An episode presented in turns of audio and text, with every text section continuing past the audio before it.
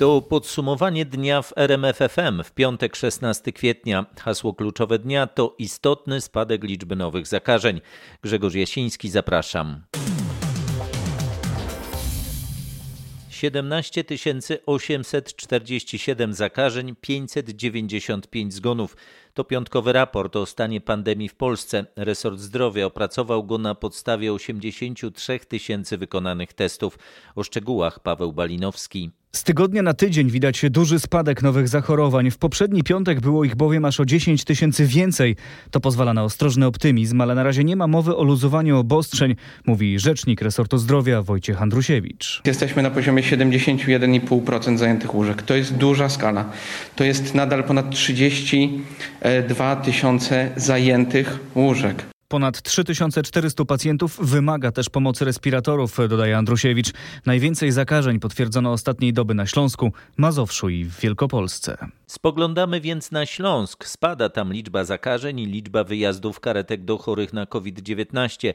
Mniejsza jest też liczba wystawianych przez lekarzy POZ skierowań na testy. Sytuacja epidemiologiczna w województwie śląskim powoli się stabilizuje, choć dziś odnotowano tam znów najwięcej nowych przypadków koronawirusa w kraju 2761. Są jednak jeszcze inne dane wciąż niepokojące. To liczba osób zakażonych leżących w szpitalach i przede wszystkim liczba chorych wymagających podłączenia do respiratora. Te dane są wciąż wysokie. Zajętych jest obecnie ponad 90% łóżek respiratorowych. W całym województwie śląskim pozostało 49 wolnych urządzeń.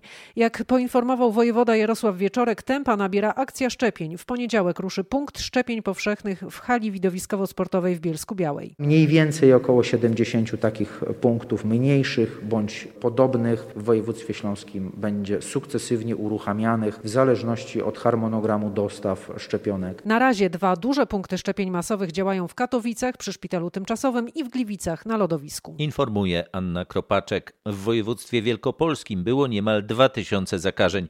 Co z dostępnością łóżek dla pacjentów z COVID-19? Zajętych, jak wynika z danych Urzędu Wojewódzkiego, jest 2761 łóżek. Liczba wolnych miejsc zwiększyła się i wynosi teraz dokładnie 1060. W szpitalach regionu wykorzystanych jest 211 na 306 dostępnych respiratorów. Najwięcej nowych zachorowań w regionie przybyło w Poznaniu, to 378 pozytywnych wyników oraz w powiecie poznańskim, gdzie było ich 371.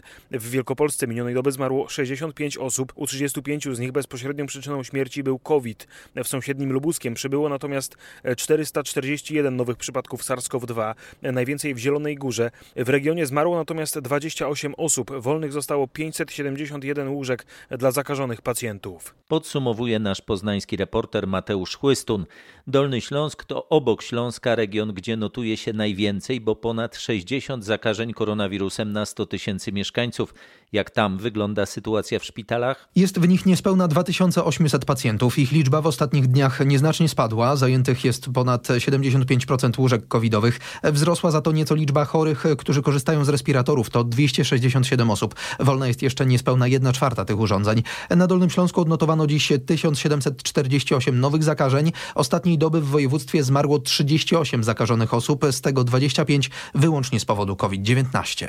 Informował Paweł Pyclik. 30 respiratorów, 50 kardiomonitorów, 4 urządzenia do terapii narkozastępczej i tysiące środków ochrony osobistej dostarczono dziś z Agencji Rezerw Strategicznych do magazynów w Małopolsce.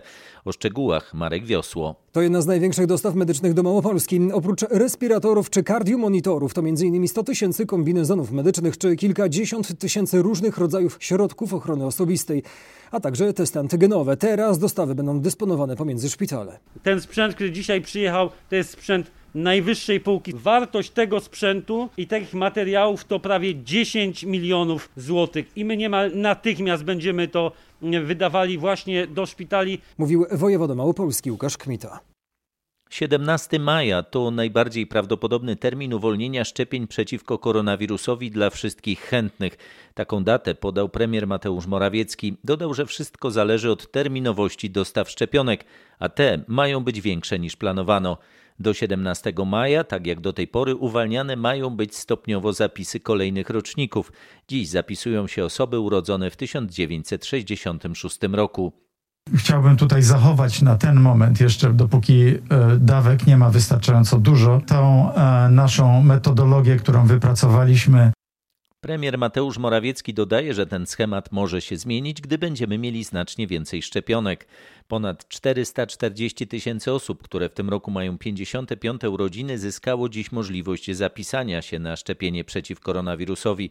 Nasz reporter Michał Dobrołowicz zbiera sugestie lekarzy, jak się zapisywać. Jeśli zależy nam na czasie i chcemy dostać informację, gdzie w naszej okolicy najszybciej dostaniemy preparat, lekarze polecają zapisy przez internetowe konto pacjenta, SMS albo infolinię NFZ 989. Rzecznik Kolegium Lekarzy Rodzinnych dr Michał Sutkowski przypomina, że jeśli tam pojawi się problem, cały czas można zgłaszać się też bezpośrednio do punktu szczepień. Gdybyście już Państwo się tam nie dozwonili albo coś się zawiesiło, co się zdarza przy tej skali. Skala zaczyna być masowa, ale pamiętajmy, że można taką chęć szczepienia wygenerować poprzez telefon do przychodni. Dokładnie w taki sposób będzie można zapisywać się też do tak zwanych punktów szczepień powszechnych. 16 takich miejsc zacznie działać od poniedziałku, m.in. w Legnicy, Przasnyszu i w Radomsku. I co ważne, o to też pytają nasi słuchacze, żeby tam dostać preparat, też niezbędne jest wcześniejsze zapisanie się przez SMS, telefon albo przez internet.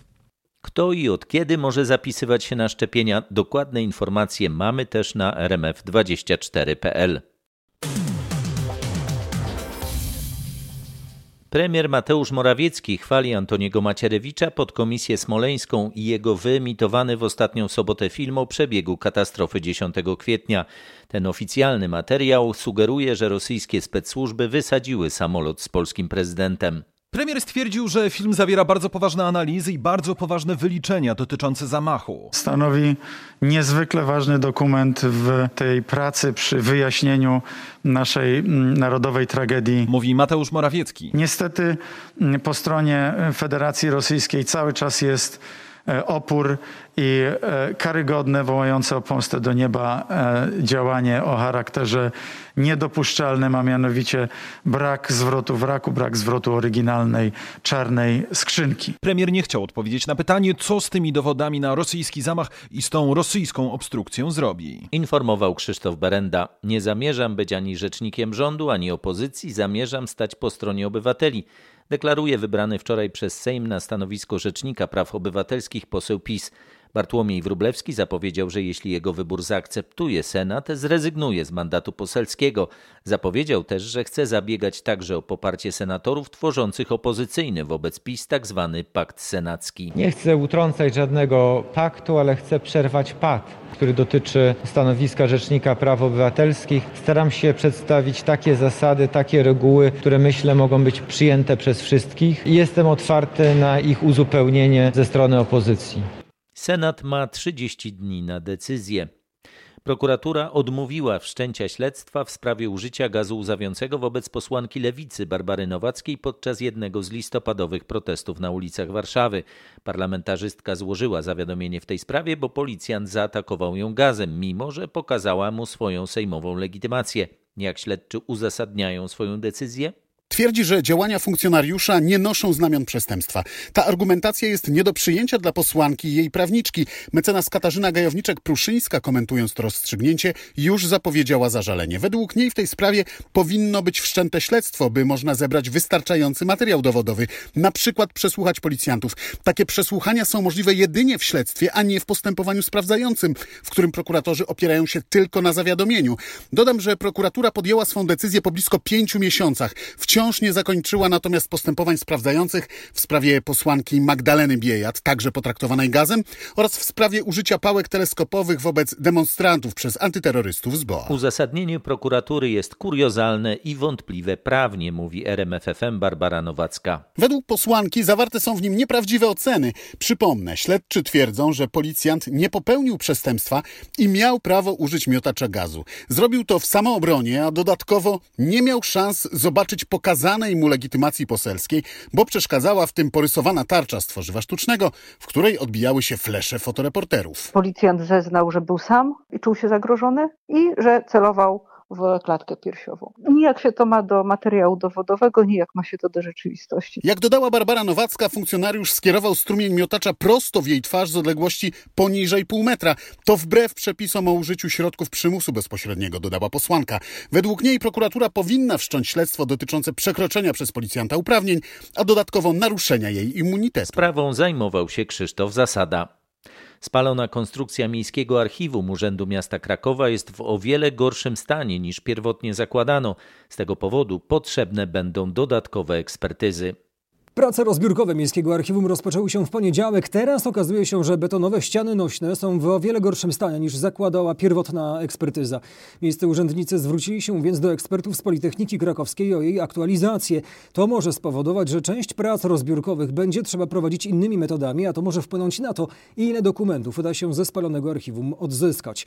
Nie wiadomo też, jak bardzo opóźni to pracę. Wyceniono je wstępnie na 1,5 miliona złotych. Wciąż też nie wiadomo, jaka była przyczyna pożaru. Śledczy wykonywali zdjęcia wnętrza archiwum m.in. specjalnym łazikiem, który wprowadzono do środka. Informuje Marek Wiosło. Nie poczuwam się do żadnego ze stawianych mi zarzutów, nigdy swoimi wypowiedziami nie chciałem skomplikować sytuacji pandemicznej.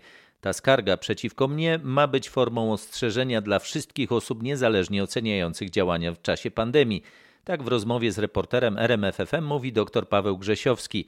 Główny inspektor sanitarny złożył do Rzecznika Dyscypliny Zawodowej wniosek o ukaranie Grzesiowskiego m.in. za oczernianie sanepidu i wprowadzanie opinii publicznej w błąd. Na jakim etapie jest postępowanie?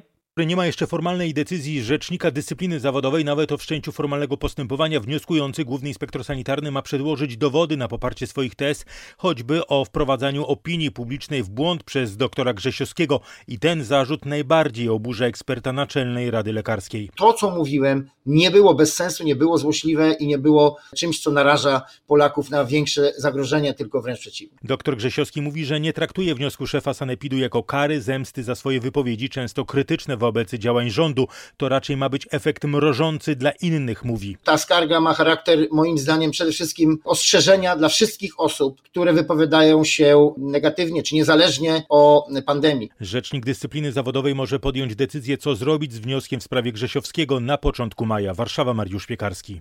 Doktor Grzesiowski nie zamierza przestać się wypowiadać w sprawie pandemii. Jak podkreśla, noszenie maseczek na ulicy, gdy nie ma tłumu, jest bez sensu jeśli ja z, idę sobie po ulicy i wokół mnie nie ma tłumu ludzi, to ja nie potrzebuję maseczki. Ona nic kompletnie nie daje. Natomiast jeżeli stanę na przystanku i będzie tam 10 osób i będą się wszyscy tłoczyć, bo pada deszcz, to oczywiście maseczka powinna być założona.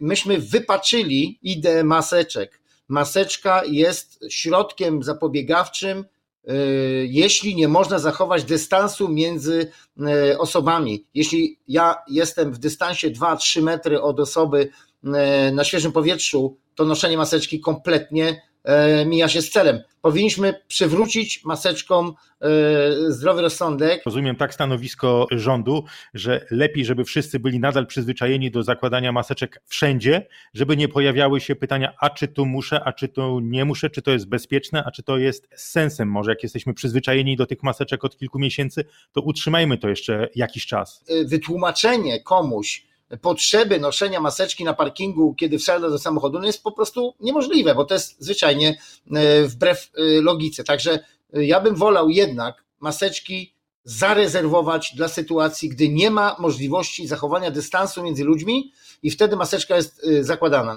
Mówi w rozmowie z Mariuszem Piekarskim dr Grzesiowski i krytykuje inne decyzje rządu. Jego zdaniem wysłanie dzieci od poniedziałku do żłobków i przedszkoli w całym kraju jest błędem bo jak mówi, sytuacja epidemiologiczna w kraju jest bardzo zróżnicowana i jest czas na lokalne zarządzanie lockdownem.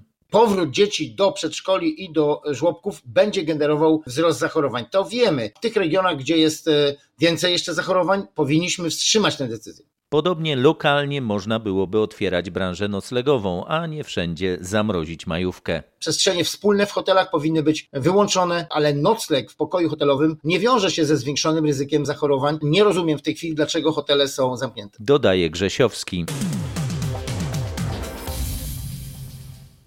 Już wiadomo, że w maju wesel nie będzie, słyszymy od przedstawicieli branży ślubnej. Pary odwołują albo przekładają terminy swoich uroczystości, a kalendarze usługodawców na najbliższy miesiąc są już puste. Część par decyzję o przełożeniu wesela podejmuje nie po raz pierwszy. No mamy takich kilka par, które przekładają już trzeci, czwarty raz wesele, e, bo miało mieć wesele powiedzmy w kwietniu zeszłego roku, przełożyły na czerwiec. W czerwcu nie wiadomo było jeszcze co i jak, więc e, zdążyły jeszcze na koniec maja w tym przełożyć ten czerwiec na listopad. Mówi Aneta Przedmojska, fotografka z Łodzi. Przedsiębiorcy nie wiedzą, kiedy sytuacja się zmieni przy takich kłopotach i przy braku wsparcia ze strony naszego rządu, no po prostu jesteśmy skazani na, na, na plajtę i to być może już niedługo, niedługo się stanie. Mając w uszach te słowa pana premiera, y, który mówił, że, no, że wszyscy potrzebujący będą wspierani, no my od pół roku praktycznie wspierani nie jesteśmy. Mówi Bogdan Klusek, który od 30 lat zajmuje się produkcją i sprzedażą sukien ślubnych. Branża liczy na poprawę sytuacji w czerwcu. Kombinujemy, żeby przenieść to na później, chociaż później z terminami już jest krucho. E, no maja nie będzie. Mocno liczę na to, że czerwiec będzie. Rekordziści zmieniali termin ostatnio czwarty raz. Także jest, jest ciężko. Mam nadzieję, że uda się wspólnie przejść przez tą imprezę. Mówi Michał Marat, DJ i konferencjer. Proces ratyfikacji dotyczący unijnego funduszu odbudowy może ruszyć na początku maja, zapowiada premier Mateusz Morawiecki. Na razie Niemcy wstrzymują uruchomienie unijnego funduszu odbudowy dla całej Unii Europejskiej. Podczas gdy w Polsce sprawa utknęła w parlamencie, w Niemczech ratyfikowanie zgody na uruchomienie największego w historii funduszu pomocowego zablokował Trybunał Konstytucyjny, który ma w trybie pilnym rozpatrzyć skargę na niezgodność funduszu z ustawą zasadniczą. Co to oznacza tryb pilny? Tyle, że sprawa od trzech tygodni ma wysoki priorytet. Kiedy zajmie się nią Trybunał z Karlsruhe? Nie wiadomo. Niemieccy politycy liczą na to, że jeszcze w kwietniu nie brakuje głosów, że dalsze zwlekanie będzie zwyczajnie szkodliwe dla Niemiec i dla całej Unii Europejskiej. Tydzień temu do Trybunału Konstytucyjnego trafiły dokumenty z rządu federalnego i Bundestagu, z których wynika, że uruchomienie Funduszu Odbudowy jest całkowicie legalne. Przeciwnego zdania jest grupa ponad 2000 osób skupiona wokół byłego szefa eurosceptycznej partii AfD AfD. Do czasu rozpatrzenia złożonej przez nich skargi prezydent Niemiec nie może podpisać zgody na uruchomienie funduszu. Informacje w tej sprawie zbiera nasza reporterka Aneta Łuczkowska. Czwarta fala epidemii rozpoczęła się we Francji, alarmują paryscy specjaliści. Związana jest z brazylijskim wariantem koronawirusa, który według wielu ekspertów może być groźniejszy od pozostałych. Epidemiolodzy ostrzegają, że bramą, przez którą brazylijski wariant atakuje Unię Europejską, jest Gujana francuska. Tak, chodzi o francuską posiadłość w Ameryce Południowej, która graniczy właśnie z Brazylią, do której regularnie przybywa wielu brazylijskich imigrantów i gdzie brazylijski wariant koronawirusa stanowi już ponad 80% przypadków zarażeń. Przypomnijmy, że chodzi o wariant, przeciwko któremu według wielu ekspertów dotychczasowe szczepionki są znacznie mniej skuteczne, który zabija w Brazylii każdego dnia około 4000 osób, w tym młodych. Według najnowszych statystyk większość osób na oddziałach intensywnej terapii w tym kraju ma mniej niż 40 lat. Drastycznie zaostrzono w Paryżu kontrolę podróżnych z Gujany Gujany liczba lotów ma zostać ograniczona. Relacjonuje nasz paryski korespondent Marek Gładysz. Czy sankcje będą skuteczne? Media w Stanach Zjednoczonych komentują decyzję prezydenta Joe Bidena w sprawie restrykcji nałożonych na Rosję. W założeniu mają zmusić Władimira Putina do zmiany polityki. Ten pakiet Bidena faktycznie jest chyba największym zestawem sankcji wobec Rosji w najnowszej historii. Washington Post podkreśla, że idą te sankcje dalej niż te nakładane za prezydentury Donalda Trumpa, ale są pewne luki. Rosja będzie mogła je obejść. Przykłady podaje amerykańska prasa. Washington Post ostrzega, że mimo iż zakazano amerykańskim bankom kupowania kupowania rosyjskich obligacji na rynku pierwotnym, to inni międzynarodowi inwestorzy prawdopodobnie nadal będą je nabywać, a następnie sprzedawać instytucjom z USA. Być może ta droga zostanie przez administrację USA zablokowana, ale tu już widać pewną lukę. O czym informuje nasz amerykański korespondent Paweł Żuchowski. Jutro w kaplicy świętego Jerzego na zamku w Windsorze odbędzie się pogrzeb zmarłego przed tygodniem męża brytyjskiej królowej, księcia Filipa. Trwają ostatnie przygotowania do tej uroczystości, która została zaplanowana w dużej mierze przez samego zmarłego. To książę Filip nadzorował budowę Land Rovera, którym jutro jego trumna przewieziona zostanie z prywatnej kaplicy do miejsca, gdzie spocznie w krypcie wśród innych członków rodziny królewskiej. To on podjął decyzję o pomalowaniu go na wojskowy zielony kolor. On zadbał, by pojazd spełniał funkcję karawanu. Te prace zaczęły się już 16 lat temu, także decyzja o zrezygnowaniu z państwowego charakteru uroczystości uroczystości pogrzebowych należała do księcia. Zadbał także o to, by podczas pogrzebu obecne były ordery i insygnia, które otrzymał po służbie w marynarce wojennej i za swą działalność na rzecz wspólnoty narodów. Będą one wyeksponowane w kaplicy na specjalnych poduszkach. Zapowiada nasz londyński korespondent Bogdan Frymorgan. Rosyjscy uczeni twierdzą, że odkryli substancję, która pozwoli wyprodukować lekarstwo na wątrobę uszkodzoną nadmiernym spożyciem alkoholu. Profesorowie Instytutu Chemii Organicznej imienia Arbuzowa Rosyjskiej Akademii Nauk Skazania twierdzą, że bazą takich medykamentów powinny być terpeny, czyli naturalne substancje zawarte w pniu i korzeniach jodły syberyjskiej. W jaki sposób Rosjanie stwierdzili wpływ terpenów na uszkodzoną wątrobę? Przeprowadzili eksperymenty na szczurach. Przez miesiąc wstrzykiwano im rozcieńczony wodą etanol oraz leki zawierające wyciąg z syberyjskiej jodły. Naukowcy stwierdzili, że pod wpływem terpenów u szczurów uzależnionych od alkoholu normalizują się parametry krwi oraz zmniejszają uszkodzenia wątroby i jej masa. Szefowa badań profesor Ludmiła Lacerus tłumaczy, że terpeny to substancje ochronne komórek roślinnych. To dla roślin coś jak hormon stresu. Sprawdziliśmy, że w podobny sposób oddziaływują na komórki zwierzęce, dodała Lacerus. Ich działanie sprawia, że iglaste drzewa są długowieczne i potrafią przetrwać w ekstremalnych warunkach, choćby kilkudziesięciostopniowego mrozu. A ja obawiam się, że po tych odkryciach lasy jodłowe w Rosji są jednak zagrożone. Informował Krzysztof Zasada. Remis piłkarek ręcznych 29 do 29 w pierwszym meczu barażowym o awans do Mistrzostw Świata. Za naszymi zawodniczkami trudny wyjazdowy pojedynek z Austrią. Były błędy i słabsze momenty, ale wynik przed rewanżem we wtorek w Markach jest przyzwoity. Najwięcej bramek rzuciła dziś dla nas Natalia Nosek, sześć trafień. Polskie siatkarki mają już ze sobą pierwsze treningi na zgrupowaniu w Szczyrku. Biało-czerwone rozpoczęły przygotowania do Ligi Narodów jak na razie w mocno okrojonym składzie. W Centralnym Ośrodku Sportu zjawiło się bowiem 17 zawodniczek, które zakończyły już sezon ligowy. Wśród nich są dwie debiutantki, w tym mająca za sobą dobry sezon Katarzyna Wenerska, zaznacza Jacek Nawrocki, trener naszej żeńskiej reprezentacji. Myślę, że jej gra w lidze jej dokładność, e, prowadzenie gry spowodowało, że zwróciliśmy na nią uwagę i spróbujemy ją również e, w reprezentacji. I jest Ola Gryka, która no, wcześniej była w reprezentacjach młodzieżowych, była myślę, że na tamten czas znakomitą środkową. E, jak będzie teraz po okresie pobytu na uczelni w Los Angeles, zobaczymy. Bardzo liczę, że ta dziewczyna wniesie dużo świeżości, dużo dobrego. Na koniec pierwszej części zgrupowania biało-czerwone rozegrają dwa mecze sparingowe z Czeszkami.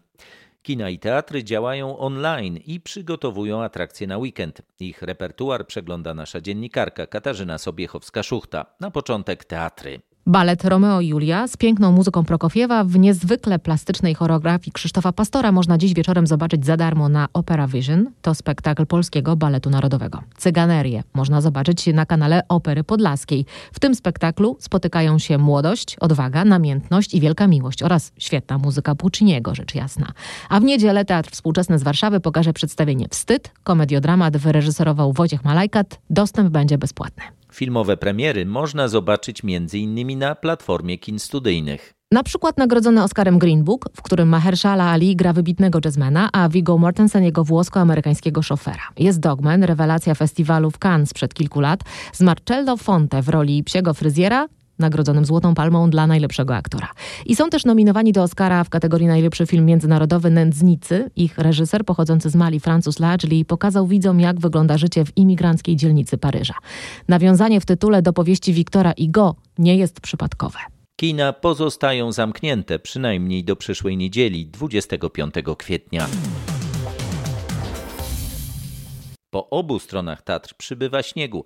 Sypie już czwarty dzień. Turystów czekają więc trudne zimowe warunki, ostrzega ratownik dyżurny TOPR Mieczysław Ziach. Tak się porobiło, że w tej chwili w zasadzie jest od kilku dni największy opad tej zimy i rzeczywiście zrobiło się biało, ładnie, ale też niebezpiecznie. Mamy drugi stopień zagrożenia lawinowego, więc trzeba uważać na stromych stokach powyżej 40 stopni, bo tam się można spodziewać już samoistnego schodzenia lawin. Szlaki są rzeczywiście nieprzetarte, a część dolin w ogóle wyłączona z ruchu turystycznego, także trzeba się w tym orientować, gdzie można pójść, a gdzie, gdzie nie. Na Kasprowym Wierchu 170 cm śniegu.